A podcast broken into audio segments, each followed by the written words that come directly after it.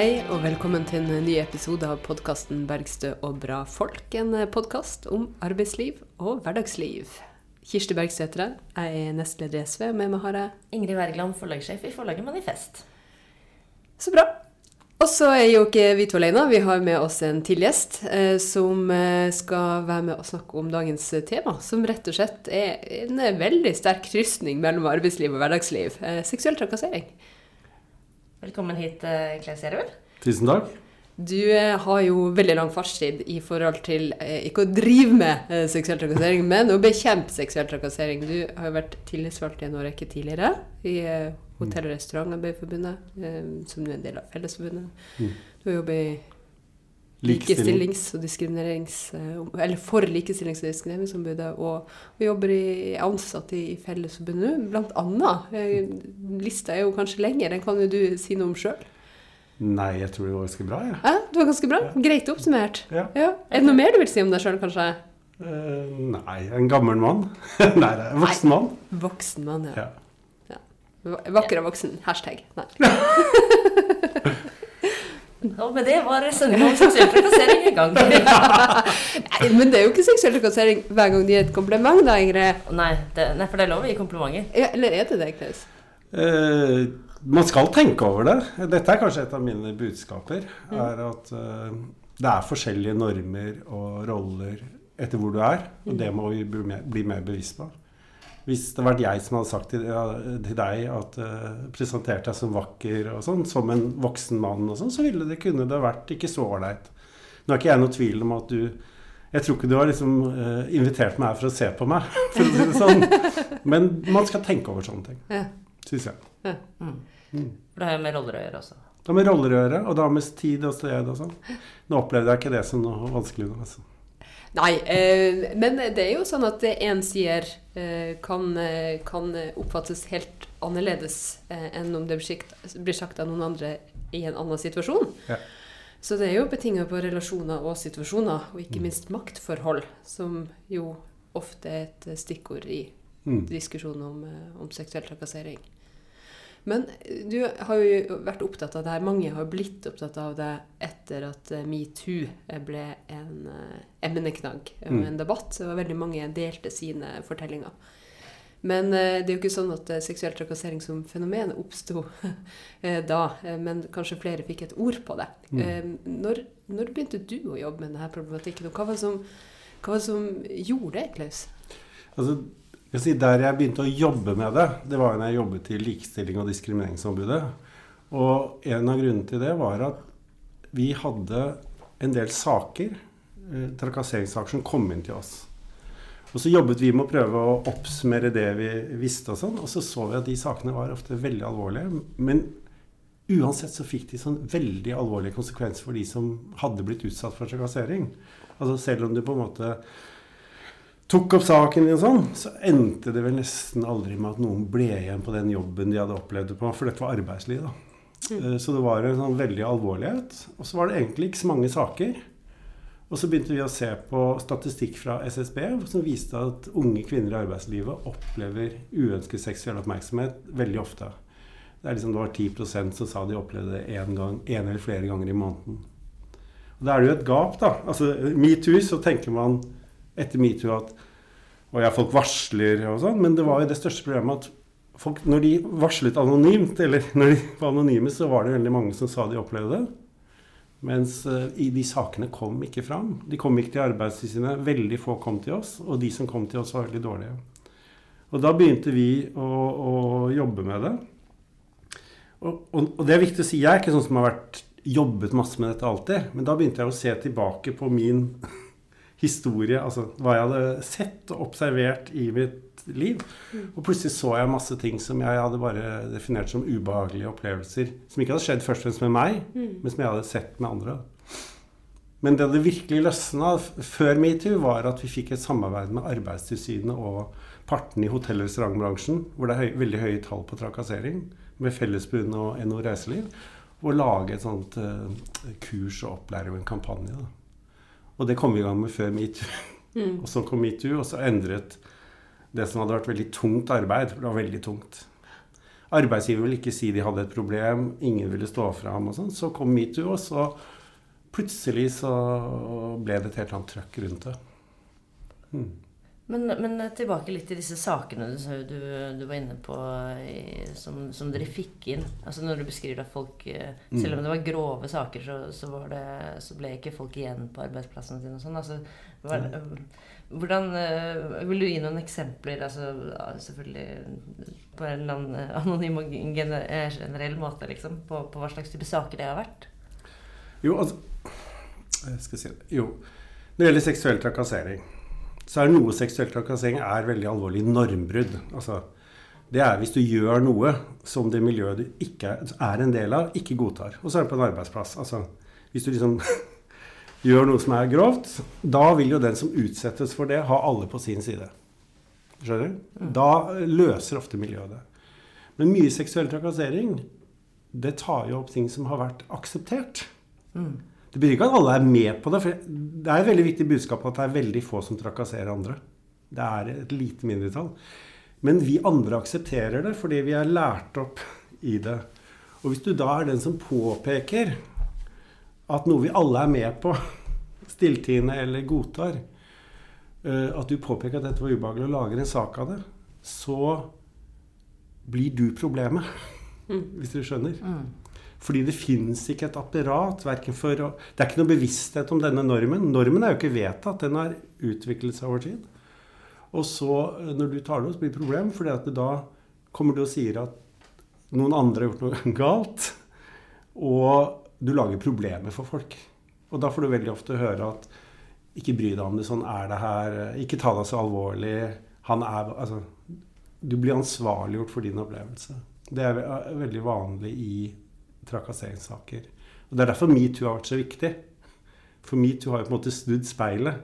Mm. Den har sagt hvis jeg opplever noe ubehagelig, så er ikke det mitt problem. Du har sagt hvis jeg opplever noe ubehagelig, så er det den som, det, som påfører meg ubehaget, som har et problem. Mm. Og, og, det er der vi må gå videre. Uh, og, og, sette nye normer da, for hvordan vi kan oppføre oss. Mm. Når jeg kaller deg vakker, så må jeg lese din reaksjon for å se om det er riktig eller feil. Eller så kan man si det Altså, vi kan jo bruke det Jeg syns vi skal bruke det ja, som et eksempel. jeg syns at man skal være ganske bevisst i en del settinger og ikke kommentere på utseendet. Og det er mm. fordi uh, dette er ikke trakassering i seg sjøl. Og det er jeg litt opptatt av at hvis du skal jobbe mot trakassering, så må du jobbe forebyggende for å sette en standard jeg tenker veldig mye innafor dette vi kaller arbeidsmiljøarbeid. Da. Arbeidsmiljøarbeid handler jo om å sette en standard som gjør at du unngår ulykker. Og da uh, må vi snakke opp i en del formelle situasjoner, i en arbeidssituasjoner. Jeg kan ta et eksempel. da. Og det er sånn uh, Hvis du er ny på en arbeidsplass, uh, så vil det være veldig viktig at de som skal lære deg opp på den nye arbeidsplassen, at de er veldig bevisst rollen sin. For dem er det mye strengere regler enn for en likeverdig kollega. Det betyr skjønner mm. Fordi at å si imot en Eller å komme i en slags ubehagelig situasjon med en som skal lære deg opp, gjør at du er veldig redd for konsekvensene. Og det er sånn vi må lære oss å, å diskutere det. Og vi har laget i dette arbeidet vi har gjort, noen sånn risikokartlegger når du sier vi, hvem er det da? Ja, det var jo det vi gjorde når jeg jobbet i Likestillingsombudet og Arbeidstilsynet. Mm. Men uh, nå, er, nå, ligger den jo ute, og, og det er et ganske uh, god måte å tenke på. Som alle kan finne på den ja. store verdensveven. Ja. ja og, og, det er liksom det der å se på situasjoner, roller Når du får inn nye lærlinger, eller mm. nå, Du jobber jo i SV, ikke sant. Når det kommer nye inn hvordan skal vi ta imot dem? Hvem skal ha ansvar for at de ikke opplever noe ubehagelig? Hva gjør vi hvis det skjer? Altså Det å snakke om de tinga på forhånd. Og da vil jeg si at generelt eh, kommentar på kroppen i formelle situasjoner, det trenger man ikke. Mm. Selv om jeg syns det er hyggelig si, at du sier eh, 'vakker og voksen', så er ikke det nødvendig. Det kan vi ta en annen gang. Og, ja, og fordi du syns det var ubehagelig fordi at Nei, jeg syns det var hyggelig på. at du sa det, men, men allikevel så ligger jo ansvaret for den ja. Ja. Nå bruker vi det bare som eksempel. Ja, men jeg syns det er et eh, godt eksempel. fordi at eh, det å gi kompliment, vil jo noen si, eh, eller kommentarer, er jo en del av den eh, småsnakken som ofte Mm. skjer. For eksempel så er det ikke sjelden at kvinner får kommentarer for kjolen man har på. Mm. Hvis jeg er på, jobb, eh, på jobb og kanskje har på kjole, så er det veldig ofte at man kan få liksom, kommentarer til det. Jeg har vært en, det jeg kan bruke meg selv som eksempel. Jeg hadde en, en kollega som eh, kommenterte hver dag når jeg hadde med kjole. Mm. Veldig sånn Nei, så fin kjole. Det er så hyggelig. Hyggelig at du har på deg så fine kjoler. Altså, så, men ordentlig granskende, granskende blikk. Altså, det, det, altså den Etter dette hadde skjedd dag etter dag etter dag, så gikk jeg over til bukse. Orket ikke mer. Du slutta med kjole. Ja, En periode i hvert fall. Så, ja. Jeg syns det, jeg det var noe mas, for det var så Men det var jo en, det var jo en sånn viss eh, Jeg skal ikke si seksualisering, men det var, en, ikke sant? Det var jo ikke bare Det var jo ikke, det var jo ikke en sånn moteobservasjon. Det var jo Det handlet jo om at jeg gikk inn, og hvordan Mm. det satt på meg, liksom. Ja, det syns jeg ble litt for mye, ass. Det er et godt eksempel. Vi har jo laget, Når vi har jobbet med dette, så har vi jo laget noe vi kaller aha. Jeg bruker dette jeg er ikke noe Det er jo Hvis du skal vurdere liksom hvordan, hva som kan være trakassering, så må du se på tre ting. Det ene er avhengighet. Altså Du må se den som får kommentaren eller blir utsatt for uh, ubehagelige ting. da hvor lett er det for den å si fra uten å være redd for konsekvensene? Det er en veldig sånn enkel øvelse. altså at Overordnet, underordnet, opplæring, ny, gammel, erfaren. Det er det ene du ser på. Og der må det være strenge regler for de som da definerer Altså de som er overordnet, må ha et ansvar ikke å skape Det er strengere regler på dem enn det som er underordnet i den situasjonen. Det andre er det vi kaller hyppighet. Apropos det du sier. Og det vi kaller også gnagsåreffekten. Og det er små ting som hver eneste ting er helt greit, men når de blir gjentatt i feil situasjoner over tid fra folk som du ikke føler du kan si fra, eller du ikke syns er greit, så får du et slags gnagsår på dette her, som kan bli enten at du får så hard hud Det skjer med veldig mange, at du ikke du reagerer ikke lenger på ting som ikke er bra. Ofte sier du da til andre at 'nei, jeg hadde mye verre, Jeg ikke bry deg om det'. Eller så får du at du får en slags betennelse der som gjør at du begynner å føle det ubehagelig. Og det er veldig vanlig på unge jenter ikke sant? som kommer inn i miljøer, øh, litt underordnet med mye menn. Eh, For så vidt altså unge gutter som kommer inn i øh, der hvor det er mange voksne damer og sånn. At du får sånne kommentarer på utseendet hele tida. Eh, og det tredje Ja, det er jo alvoret som skjer. Altså Noen ting er jo alvorlig uansett. En kommentar om at du har en pen kjole, vil jo alle bare le av at du reagerer på. Men når det blir gjentatt uh, i en feil situasjon, så kan det faktisk eh, føles ganske ubehagelig. For du føler kanskje at de skulle kommentert på noe annet. Kanskje de skulle kommentert på så ja, Er det kroppen min? ikke sant? Kanskje jeg har gjort noe bra i dag som er verdt å merke Ja. seg. Mm, muligens. Og Hvis man jobber på den måten, så kan man også bevisstgjøre. For jeg mener, jeg mener veldig klart at øh, flertallet ikke trakasserer. Og så mener jeg også veldig klart at det å leve med følelser og seksualitet og begjær og behov for bekreftelse, det er en del av det å være menneske. Så det jeg snakker om, er jo å lage noen rammer rundt noen, de situasjonene vi sier at her, her må vi ha noen strenge rammer. Så det betyr ikke at det eh, gjelder overalt, men i de og de situasjonene. Eh, og da tenker jeg jo dette med kommentarer på kropp skal man på en måte holde litt unna. Og det betyr at hvis vi hadde jobbet sammen, så kunne jeg godt ha sagt til deg at uh, eh, du har fin kjole, Ingrid. Mm. Og det syns jeg er helt greit. Men det vil være lov, skal også være lov for deg å si at nå var det nok. Men det er jo eh, eh, Det er jo eh, en definisjon på seksuell trakassering, hva det er for noen ting. For det er jo klart at eh, det, det er jo sikkert en eh, aha-opplevelse for mange å høre de her tre Mm. punktene dine, Klaus, i forhold til eh, hva som er verdt å, å tenke over. Eh, og så vet vi at lovverket også innrettet sånn at det er den som opplever, som utsettes for seksuell Mm. trakassering, som, som Mm. egentlig eier def definisjonen. Men hvordan ville du forklart hva seksuell trakassering er for noen ting? Ja, altså Utgangspunktet for seksuell trakassering er opplevelsen til den som uh, føler seg trakassert. Og Det er et subjektiv opplevelse. Men så må jo den veies opp mot noen objektive krav. Så hvis, Kirsti, hvis jeg hadde gått til SV etter programmet og sagt at Kirsti Bergstø, trakasserte meg under podkasten fordi hun sa jeg var vakker, så måtte SV tatt det alvorlig. Men da håper jeg jo SV hadde kommet fram til og sagt at Ingrid, vi hadde snakket med alle her, at det var ikke trakassering. Men det var dumt kanskje å introdusere deg på den måten. For objektivt sett ville ikke det være en trakassering. Og det er jo det at Definisjonen er at det er uønsket seksuell oppmerksomhet som må minst være plagsom for den som opplever det. Mm. Det er viktig å si, og det er jeg veldig opptatt av disse trakasseringssakene, at man kan ha et forebyggende arbeid. Man blir enige om noen regler uten at noen er trakassert. Men hvis det er en sak, da, mm. så har begge parter en beskyttelse i behandling av saken. Varslerne eier varselet sitt. Men de må også vite at den som blir varslet om, har også uh, rett til å fortelle sin versjon av det som har skjedd. Mm. Det er viktig. Jeg mener det er et rettssikkerhetsprinsipp som er viktig.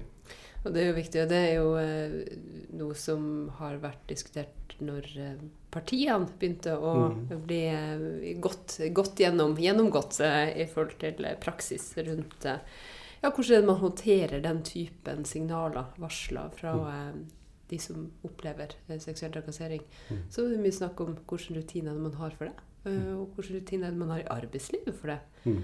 Eh, fordi det er jo sårbarhet i begge ender. Og jeg har lagt merke til at du har sagt at mange mener ikke å trakassere, men det kan likevel være en, en, et resultat. Om ikke det er hensikten, så kan det vel likevel være sånn det oppleves. Mm.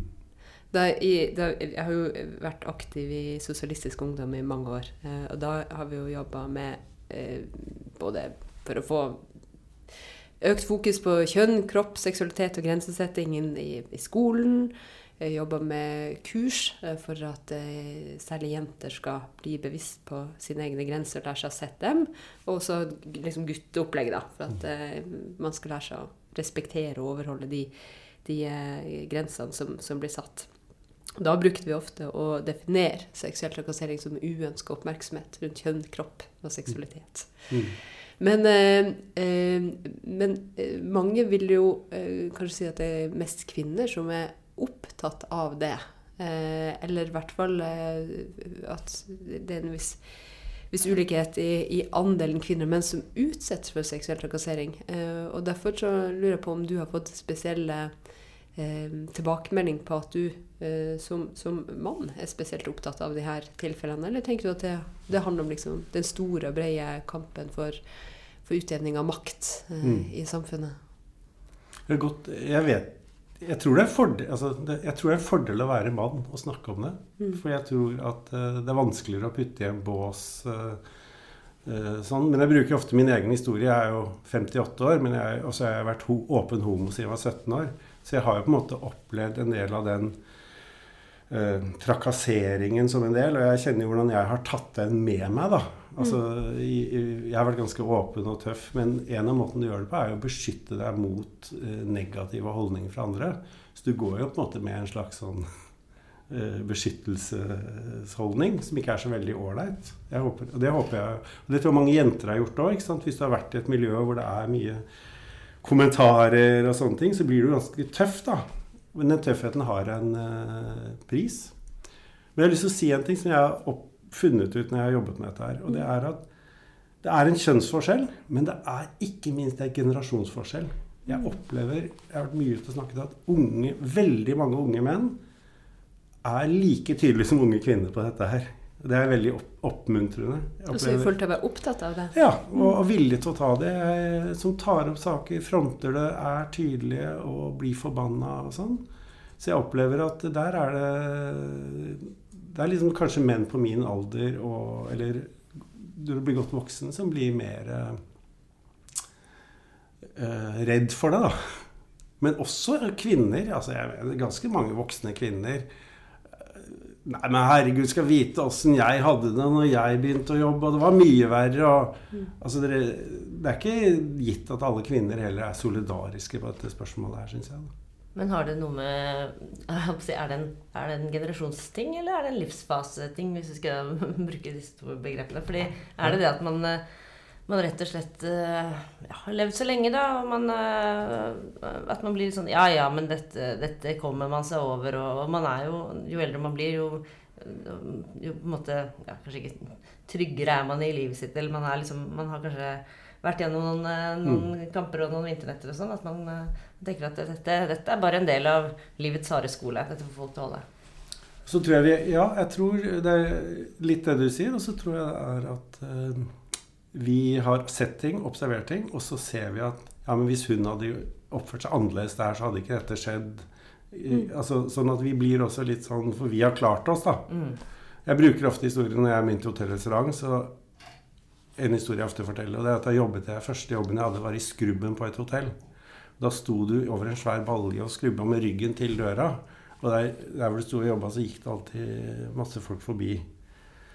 Og jeg husker jeg fikk så skryt. Jeg var så flink til å jobbe og så effektiv. og sånn. Jeg var jo veldig fornøyd med det. da. Mm. Og så var det ei jente som jobba på motsatt skift enn meg, og, og, alle sa at hun var, hun var så dårlig Altså hun var dårligere enn meg, da. Og så var jeg en dag innom jobben når hun var på jobb, sånn i fritida mi. da. Og da kom jeg der, så da så jeg når kokkene gikk forbi der hvor hun sto, så var det veldig ofte de gikk, og så tok de en hånd på hver side, tok henne på puppa mens hun sto og jobba. Det førte selvfølgelig til at hun hun bare lo. Altså hun stoppa det, men hun lo. ikke sant? Hva skulle hun gjøre da? Hun lo det bort. Hun var jo lavstatus der. Men selvfølgelig, hennes arbeid ble jo dårligere, for hun fikk jo ikke konsentrert seg om jobben. Uh, og det husker jeg Jeg gjorde ikke noe da, jeg altså. Jeg skal ikke lage noe. Men jeg, etter at jeg begynte å jobbe med tingene, så har jeg tenkt på Selvfølgelig. Og da er det veldig ofte sånn at de fleste av oss har sett sånne historier og sånn. Og vi vet at Ja, ja, men hun kunne vært altså, Du har ikke gjort noe, og så blir du på en måte en del sånn Ja, ja, men det går over, og Ja. Verden går videre. Men det er mange sånne historier du, hvis du begynner å tenke etter, som du har eh, jeg får, jeg, som jeg har opplevd. Mm. Det er jo ikke rart at du var litt mer effektiv i jobben da, hvis du slapp å bli tatt på mens du gjorde den. Nei, selvfølgelig ikke. Og det er akkurat samme dette med kommentarer. at uh, hvis du skal holde et eh, innlegg, da, og, sånn, og så får du bare kommentarer på 'du har så fin kjole' eller 'pen', ikke sant. Uh, mens du ønsker Du er kanskje der, ikke sant. Nå skal jeg opp og si noe viktig. Så trenger du jo tilbakemelding på hva du skal gjøre, og hva du har gjort. Og det er der uh, man Der er det ganske store forskjeller. Mm. Da er det jo interessant at du tar opp det med opplæring i arbeidslivet, ikke sant? Eh, mm. som du nevnte tidligere. Eh, fordi at det er jo eh, det kan være, Jeg hørte om et eksempel i går fra en arbeidsplass. Det hadde vært en sånn introduksjoner for nyansatte. Og så hadde den ledelsesfiguren som holdt denne introduksjonen, hadde en veldig sånn tullete tone. Mm. Og, og, særlig hadde en, en sånn spesiell oppmerksomhet rundt eh, den, den, kanskje yngste og peneste mm. dama som var til stede. Eh, og det eh, er jo noe som eh, kan oppleves veldig forskjellig, men som gjorde at hun ikke kunne si det hun egentlig tenkte og mente. Mm. Fordi hun opplevde at hun ble litt sånn lamma av, av situasjonen. Mm. Um, og hadde egentlig både kanskje innspill, kanskje til og med kritiske kommentarer, som, som, bare, som bare, ikke var rom for å få ut uh, i, i, denne ACER-en. Og, og, det handler vel fremfor alt om, om bevisstgjøring, om hvordan det man, man uh, fremstår. Og da kan jo kanskje alle arbeidsplasser, organisasjoner, den typen, eh, alle, alt som fins, kan jo hente opp uh, denne punktlista som du nevnte i sted. avhengighet. Mm og hyppighet. hyppighet og, og, alvor. Og alvor. Aha. Aha. Og få sine aha-opplevelser når man diskuterer det. Eh, men du har jo også snakka om forebygging. Eh, hvordan, hvordan, andre måter kan man forebygge på? Eh, fordi det, har, det, det er jo et voldsomt sånn alvor som senker seg når vi snakker om seksuell trakassering. Det er, jo, det er å frata folk makt og utsette folk for seksuell trakassering. Nei, jeg mener jo da at det man kan gjøre i arbeidsmiljøarbeid, så skal du jo gjøre en risikovurdering av arbeidet. Altså, er det noen farlige kjemikalier her? Er det noen farlige maskiner? Hvis du har mange sånne det vi kaller risikofaktorer samlet på en arbeidsplass, så eh, blir det rødt, og da må du gjøre noe. Og da må du gjøre noe helt konkret for å forebygge at de risikoene skal bli til fare og ulykker og skader. Og det mener jo jeg at du må gjøre med organisasjoner. Du kommer fra SV. Mm. Og med organisasjoner og med arbeidsplasser. Hvor er det vi har risiko Når har vi stor risiko for, for trakassering? Det er veldig mye samme metodikk, men det er litt andre ting. F.eks. at en ung lærling eh, har større risiko enn en gammel gubbe som meg, selv om vi gjør samme jobb på samme arbeidssted, når det gjelder trakassering. Pga. rollen som lærling. Eh, det betyr f.eks. at eh, sosiale arrangementer rundt jobben, hvor det er mye alkohol, det alltid øker risikoen. Og det er fordi vi drikker alkohol for å bryte noe av det saklige vi, skal skape en annen stemning, og for noen er det veldig greit at det gjør vi innenfor grensen av respekt, men for noen er det også å bli litt grenseløs. Du må se over Det å jobbe f.eks. utenom vanlig arbeidstid øker risikoen for trakassering. Både fordi at du har ikke system på plass på jobben som beskytter deg. Altså, eh, hvis du skjønner det. Altså som du kan gå til hvis det skjer noe ubehagelig. Og det andre er at ofte de du jobber med, f.eks. på en restaurant, da, de er på fritida. Og de tillater seg mer overfor deg. Når man setter over disse tingene, så må man da gjøre et bilde og så må man si eh, Her er det så mange risikofaktorer samlet at her må vi lage noe. Og da kan vi lage regler. Vi må formidle de veldig tydelig. Vi kan si at uh, vi skal ha veldig klare varslingsmuligheter. F.eks. hvis du jobber på en restaurant på natta, da, hvor det er en masse risiko samlet, så er det veldig viktig at de som er på jobb der, de vet hvem er de skal varsle til, og de vet at når de varsler, så får det konsekvenser for de som utsetter dem for det. Eller hvis det begynner unge jenter på mannsdominerte arbeidsplasser, så bør man ta en samtale med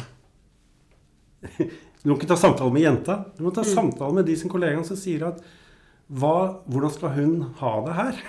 Snu speilet. Hvem er det som har ansvar for hun har det sånn, og hvem får det konsekvenser for hvis ikke dere gjør det dere gjør? Og det skal ikke være for henne, det skal være for de som har fått det ansvaret. Og, og der er min erfaring at hvis man tar de rundene, så skjerper folk seg veldig. For de fleste ønsker egentlig ikke å være med sånn, de blir bare med på den Ja. ja du blir med på ting som du kanskje, et, når du tenker etter, ikke er så veldig ålreit. Du var inne på i stad at, eh, at det arbeidet dere hadde gjort eh, mot seksuell trakassering, fikk en, en enorm forløsning med, med metoo. Kan du beskrive litt hva, hvordan det var?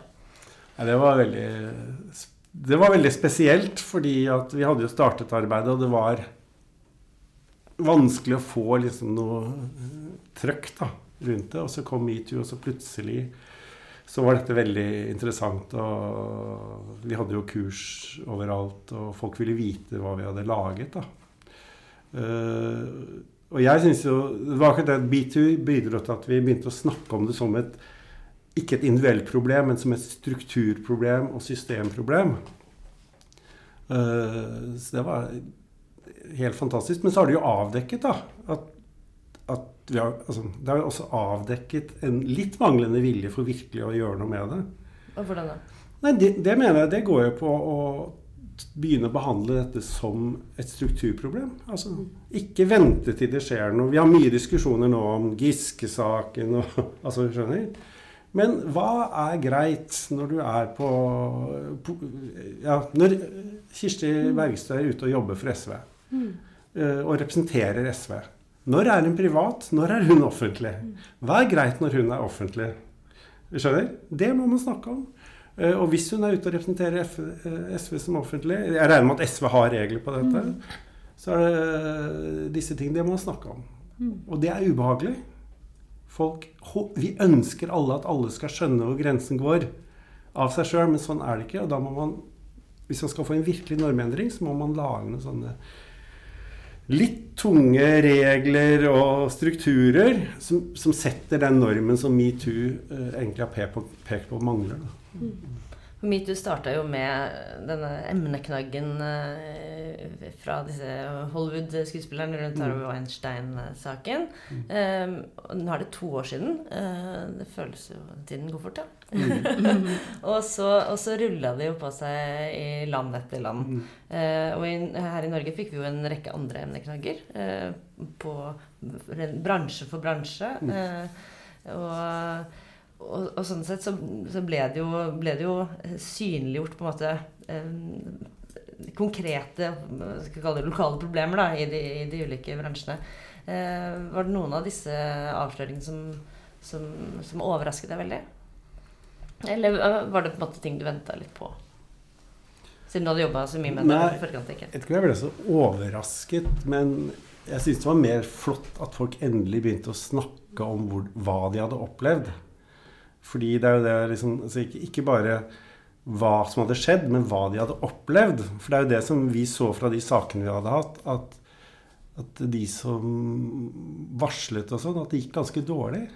Fordi de sto i et umulig valg mellom å si fra og gjøre det som var riktig, og bli et problem, eller å holde kjeft. og, og ta problemet inn i seg sjøl. Og det kommer jo fram at dette har jo en kostnad. da. Og da, da, Når vi hører om kostnad, så skjønner vi også gevinsten med å skape ny, ny kultur på dette. Altså det at folk er trygge, kan være seg sjøl og, og, sånn, er jo en enorm gevinst i energi og ressurser som går inn i fellesskapet. Da. Som folk nå ha bundet opp for de har gått og beskyttet seg mot ubehagelige opplevelser.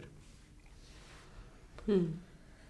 Du nevnte Giske-saken. Jeg tenkte det er litt sånn rart å ikke, mm. ikke, snakke om den. Eh, nå har det nylig kommet en bok skrevet av eh, mm. hans kone, en dagbok. Eh, og da, da dukker det jo opp veldig mye sånne diskusjoner. Altså, I kommentarfelt kommer det ting som at ja, metoo har gått for langt. Nå må vi Dette her dette, dette her var bare en maktkamp. Mm. Dette handlet ikke om seksuell trakassering. Hva, hva, tenker du om det fra din liksom, faglige blikk? Jeg, jeg, har ikke lest boka. Og, men jeg av den mening er at alle har rett til å fortelle sin historie uh, i sånne saker. Uh, så mener jeg at uh, når det kommer varsler, så må da de som har ansvaret i Nå er det Arbeiderpartiet. De må undersøke har Giske brutt de reglene vi har.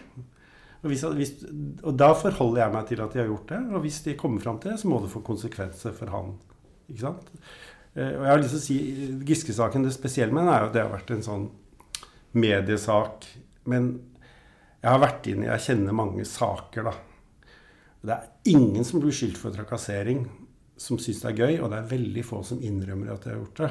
Vi skjønner? Det sier jeg ikke noe om Giske, men at det må vi anerkjenne at at uh, det er skam for begge parter. Det er skam å bli trakassert, men det er jo også skam uh, å få en sak. Og selv, altså, Giske er noe ting, men hvis det skjer på en arbeidsplass Hvis jeg f.eks. hadde blitt Hvis vi hadde jobbet sammen, og så hadde jeg vært en idiot på julebordet uh, og grafsa og tafsa, og så blir det en sak, så hadde jo jeg, også, så, så hadde jeg opplevd det veldig ubehagelig.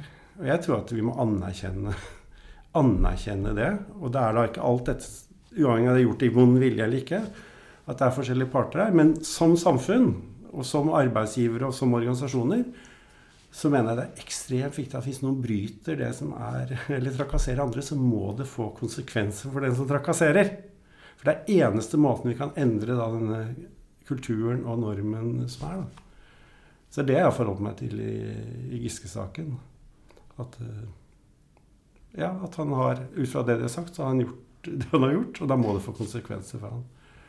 Og hvis det ikke hadde fått konsekvenser, så hadde det vært veldig, veldig, veldig alvorlig. For da hadde du sagt det motsatte, at denne kulturen kan fortsette. Mm. Jeg er veldig sånn overraska over overraskelsen. For være helt ærlig, når liksom metoo sprakk, eh, mm. så virka det som om eh, veldig mange ikke hadde tenkt over at det er kanskje halvparten av oss som utsettes for det eh, i mm. løpet av livet. Eh, for, men det var jo en veldig lettelse samtidig at flere historier kom ut, eh, og, at, eh, og, at, man med samla styrke kunne stille krav om at mer måtte gjøres, både i den enkelte organisasjonen på arbeidsplassene. Men det er jo også et litt sånn press på å fortelle og bære frem sin egen historie. For jeg husker eh, jeg husker jeg prøvde å, å, få frem en sak. altså Jeg prøvde å få liksom, fokus på seksuell trakassering da jeg var leder i Sosialistisk Ungdom. Og så sier journalisten ja, har du sjøl blitt utsatt for seksuell trakassering. Og det hadde jeg jo eh, både i arbeidslivet og ellers. Mm. Så sa jeg ville fortelle om det. Eh, nei, nå vil jeg egentlig snakke om saka, og ikke liksom mine erfaringer rundt det. Nei, men da blir det ingenting. Eh, hva, hva svaret jeg da fikk.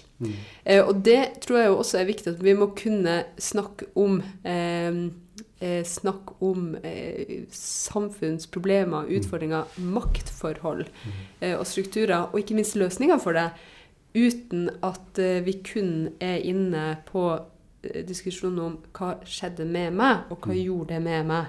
Eh, Fordi jeg syns det er et litt sånn hinder i den politiske debatten at kvinner alltid er nødt til å fortelle eh, om alt mulig som vi har opplevd, for, å, for å være en stemme. Eh, og så er det jo ikke sant, dilemma. Summen, summen må jo frem. Summen av erfaringer må frem. Eh, Men, men det der presset på at man alltid skal liksom grefse så innmari om hva, hva du har opplevd. Mm. For du var, liksom, du var redd det skulle bli for smått, da, liksom, med bare å, å legge vekt på din historie? At, at man mistet samfunnsperspektivet, liksom? hvis Nei, du skjønte jo at det ville blitt oppslaget. Ikke sant? Ja. Heldigvis så kan jo den journalisten uh, scrolle seg tilbake i podkastsendingene til, eh, til uh, Bergsø Bra Folk, for jeg tror du fortalte om akkurat denne historien i en av de første episodene vi ga ut. Ja, og hva som skjedde i arbeidsliv, tenker du på? Mm. Ja, ja. Eh, og, og den kan jeg gjerne snakke om, eh, men i en sammenheng, ikke sant? Ja. Fordi, men problemet der var at eh, det å snakke om seksuell trakassering som, eh, som et samfunnsproblem, ville ikke eh, journalisten gjøre, med mindre man fikk det her individ-offer-fokuset. Eh, og noen ganger så så er jo det, eh, så er jo viktig og riktig, men vi vet jo også altfor mange ganger at, at hvis du liksom røper noen ting om, eh, om eh, deg sjøl, så er det jo på en måte det som blir overskrifta, og det som blir saka, og ikke det som man egentlig vil formidle. Eh, og da tror jeg jo at det må gjøres såpass massivt som vi har sett i metoo. At man ser summen. Det er ikke sånn at eh, Fordi at det blir veldig sjølforsterkende. Eh, at det er noe med deg, det er noe med du som har opplevd det her. Mens man ser det massive. ikke sant? Tallenes tale er så tydelig, og erfaringene er så mange. Eh, at da er det jo fra, fra erfaring til handling man burde komme. Jeg skjønner veldig godt Jeg syns det var veldig bra i Metoo at det kom så mange helt konkrete historier. Jeg skjønner veldig godt hvorfor veldig mange av dem var helt anonyme. Fordi at, akkurat som du sier, eh, at med en gang du nevner noen navn eller uh, sånne ting, så blir fokuset ikke på det du faktisk har opplevd, men det blir mer en historie om Du blir puttet i en boks, da. Så jeg syns jo det er historiene vi kan lære av. Og jeg syns det er veldig greit at de er ganske øh, anonyme, fordi det er det strukturelle vi er på jakt etter. Nettopp. Mens for individene så mener jeg det er veldig viktig å si at hvis du opplever noe da som virkelig krenker deg, sånn, så er det veldig viktig å ha et system at det er trygt å varsle. Det er kjempeviktig. Og ikke minst også at du, har et, du får varslet sånn at du får stoppet uh, en kultur eller mennesker som går over andres grenser hele tida. Så det er liksom to ting samtidig. da. Det ene er å ta, være opptatt av strukturelle, endre normene, liksom få en annen kultur i organisasjonen og arbeidslivet. Og så må vi ha et godt system på plass som gjør at enkeltpersoner får eh, kommet seg ut av håpløse situasjoner, og at man også får varslet om mennesker som går over grensene. Men vi trenger begge delene. Og det er ikke trygt altså, De fleste steder i dag så er det jo ikke trygt å varsle. Det er en stor bekymring. Altså, ikke fordi at folk ikke vil, men folk er ikke lært opp til å takle sånne saker. Og, ja. Og det er jo, apropos den boka du nevnte, Ingrid, så er jo det en veldig alvorlig ting med den. er jo måten varsler omtales på. Og, Mm. eh, og, og langt på, på vei eh, identifiseres nærmest. Altså, det er jo veldig, veldig alvorlig at man kan omtale folk på, på den måten. Mm. Du har nevnt eh, SV som eksempel flere ganger, så jeg kan betrygge eh, folk om at vi både har eh, eh, vi har retningslinjer for trygge møteplasser, nettopp fordi at eh, det kan hende at det er alkohol inne i bildet, eller den type ting, på noen ut av de, de konferanser og årsmøter som, som Mm. finnes det.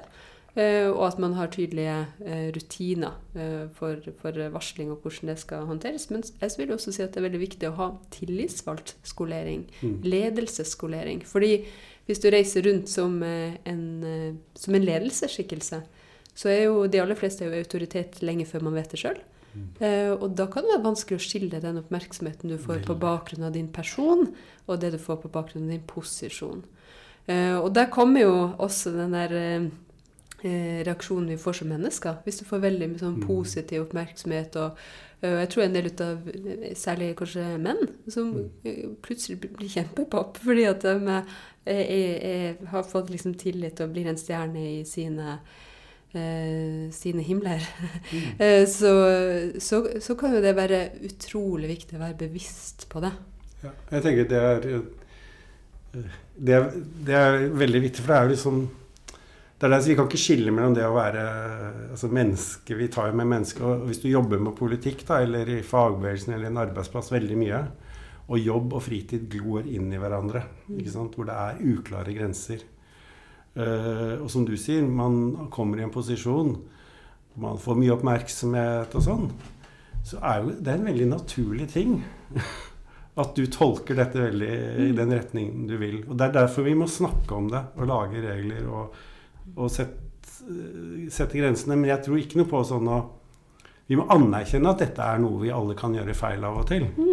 Derfor så, jeg vet ikke om du husker det der Har du lyst, har du lov. Har du vett, lar du være. Har dere hørt det? Det er sånn Har du lyst, har du lov. Har du vett, lar du være. Det er liksom at man skal ha lov til å prøve seg. Mens jeg tror vi må lære opp nye generasjoner i Har du lyst, har du lyst. Har du lov, har du lov. Og lysten er ikke noe galt. Altså, det er ikke noe gærent i lysten. Eh, Den, men, den, men du må lære deg å si det gir deg ikke lov uh, til å gå over andres grenser. Og du må lære Det er liksom den Ikke skam deg over lysten din. Herregud, det er jo fantastisk hvis du er sikkert en Du reiser rundt, og alle eh, syns at du er kjempeflink, ikke sant? Du blir jo oppildna av det. Men det gir deg ikke noen rettigheter i den rollen, da. Det tror jeg er en veldig viktig samtale vi må ta hele tida. Fordi, eh, for å hindre at folk kommer inn i feil mønstre. Og også at en del ting ikke er greit, rett og slett. Fordi at du har en posisjon, du Ja. har et, eh, et lederskap, du er valgt til å forvalte og skal forvalte tillit. Og det betyr jo ikke kanskje benytte seg av eh, situasjoner som mange vil oppfatte at det er eh, fullstendig eh, liksom, eh, inviterende, eh, Ja. men likevel eh, så handler det om, om, om bevissthet. Og det, det kan jo være krevende for, for mange og enhver, det. Ja. Jeg har et eksempel. Altså, mange arbeidsplasser jeg har hørt. Når du, nye folk skal begynne, så sitter man på Facebook og så sjekker man bildene av de som skal begynne. Eller hvis noen har søkt på jobb. En ting å kommentere, liksom, se ja, hva driver de med, men hvordan de ser ut. Så lenge før du da har begynt, så har måte, arbeidskollektivet eh, en mening om hvordan, hvordan du ser ut. Og det er noen ting som samtaler som kan gå over tid etter at du har begynt. Spesielt overfor kvinner da, i mannsdominert sektor. Godt hende andre steder, men det er der jeg har hørt det. da. Og det blir veldig veldig mye eh, snakk om det. Og så tar, tar vi det opp. Er dette greit? Og så sier folk ja, men de har jo lagt ut bildene sjøl. De ber jo om det. Nei. Nei, vi ikke det. De, de legger ut bilder, og det har de ansvar for. Men de har ikke bedt om at det skal være pausesnakk på jobben og sånn. Og det er jo den derre Det er noen ting som ikke er greit. Hva du sitter hjemme og gjør, vi skjønner hva du gjør i fritida, er annerledes enn det du kan gjøre på en arbeidsplass eller i en organisasjon eller i en formell setting. Da. Litt som at jeg kan eh, kanskje, kanskje til og med legge handa på skuldra di etterpå og si Klaus, jeg syns du er sånt et vakkert menneske. Og så vil du oppfatte det litt annerledes enn hvis jeg kringkaster for alle våre lyttere at her sitter du og er både voksen vakker. Men når du er 58 år gammel mann, så syns du det alltid er hyggelig å bli kalt eh, vakker. Og jeg føler meg ikke så veldig trua. Voksen, vakker og veltalende. Men Jeg må si noe eh, Ja, før, vi, si noe før vi begynner å runde av. Fordi eh, jeg jobber jo i forlaget Manifest, og vi har jo gitt ut en veldig flott bok. ja, som- ganske mange flotte bøker, vil jeg ja, si. ja, ja, ja, ja, men om dette temaet, da. Nemlig boka 'Det jeg skulle sagt'. Håndbok mot seksuell trakassering. Fordi det er sikkert mange der ute nå som tenker dette er et viktig tema, dette vil jeg gjerne lese mer om. Og da kan de jo plukke opp akkurat denne boka av Hanna Helseth og Anja Sletteland. Og der finnes det bl.a. en nydelig liten liste som heter 'Hvordan være en sjarmør og ikke en trakassør'. Å, veldig bra. Kan jeg få lov til å si noe? Jeg må bare si kjøp den boka. Det er en veldig klok bok. Og den er veldig tydelig og veldig lite moraliserende. Og jeg tror de fleste som leser den, får en mye med større trygghet for å jobbe videre med feltet. Det er en veldig, veldig bra bok. Den der kom jeg overraskende på. Takk skal du ha, Klaus. Det er strålende. Nå er det jo veldig bra damer som har skrevet den boka, Ja. eh, så, eh, så det er glimrende, eh, glimrende anbefaling her, her mot slutten. Eh, Men vi er ikke helt ferdig med, med det, Klaus, da, fordi vi har et fast spørsmål i vår pod, og det er hva var din aller første jobb? Min første jobb var sommerjobb på et gartneri på Grefsen. Og jeg hadde vel lite arbeidserfaring. Jeg var egentlig ikke på videregående skole første år, tror jeg. Og eh, jeg syntes det var så utrolig kjedelig.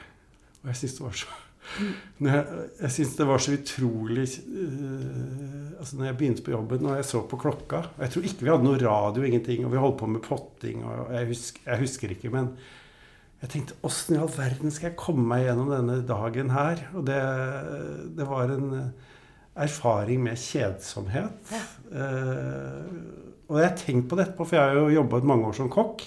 Jeg elsker å jobbe. Jeg elsker å jobbe praktisk. Eh, jeg elsket jobben som kokk. Jeg vet ikke hva det var, om jeg var veldig umoden, men eh, Eller om det var lagt opp sånn at det skulle være kjedelig. Altså at det var veldig sånn Gjør det, gjør det. Men for meg var det tungt arbeid. Og så var sjefen han var, Det var en liten privat gartneri, og sjefen var veldig Gikk rundt. Og hvis han, du tok en pause når han kom, så var han sur på deg i mange dager etterpå. For da følte han at du var sånn som ikke jobba hardt. Og, men hvis du jobbet hardt når han kom, så elsket han deg. Sånn. Så det var eh, en, en usikker start på mitt arbeidsliv. Men fortell hva du gjorde. Du pottet om eh, Jeg husker jo ikke det. Det er mange år siden. Hva fikk du timen, husker du? eller?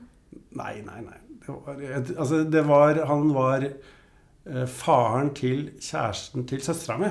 Okay. Så jeg tror jeg fikk ålreit betaling. Men eh, jeg var veldig kjedelig. Sommerjobb, altså. Sommerjobb. Ja. Nei, men sånn kan sommerjobber sommerjobb være. Så det kan jeg. Eh, Jeg tror at det er noe litt sunt med kjedsomhet. Så gammel har jeg blitt at jeg tenker at det er bra, for da eh, vekkes en kreativ nerve. Hvis du faktisk har tida til å kjede seg. Ja. Jeg har aldri opplevd det, å kjede meg.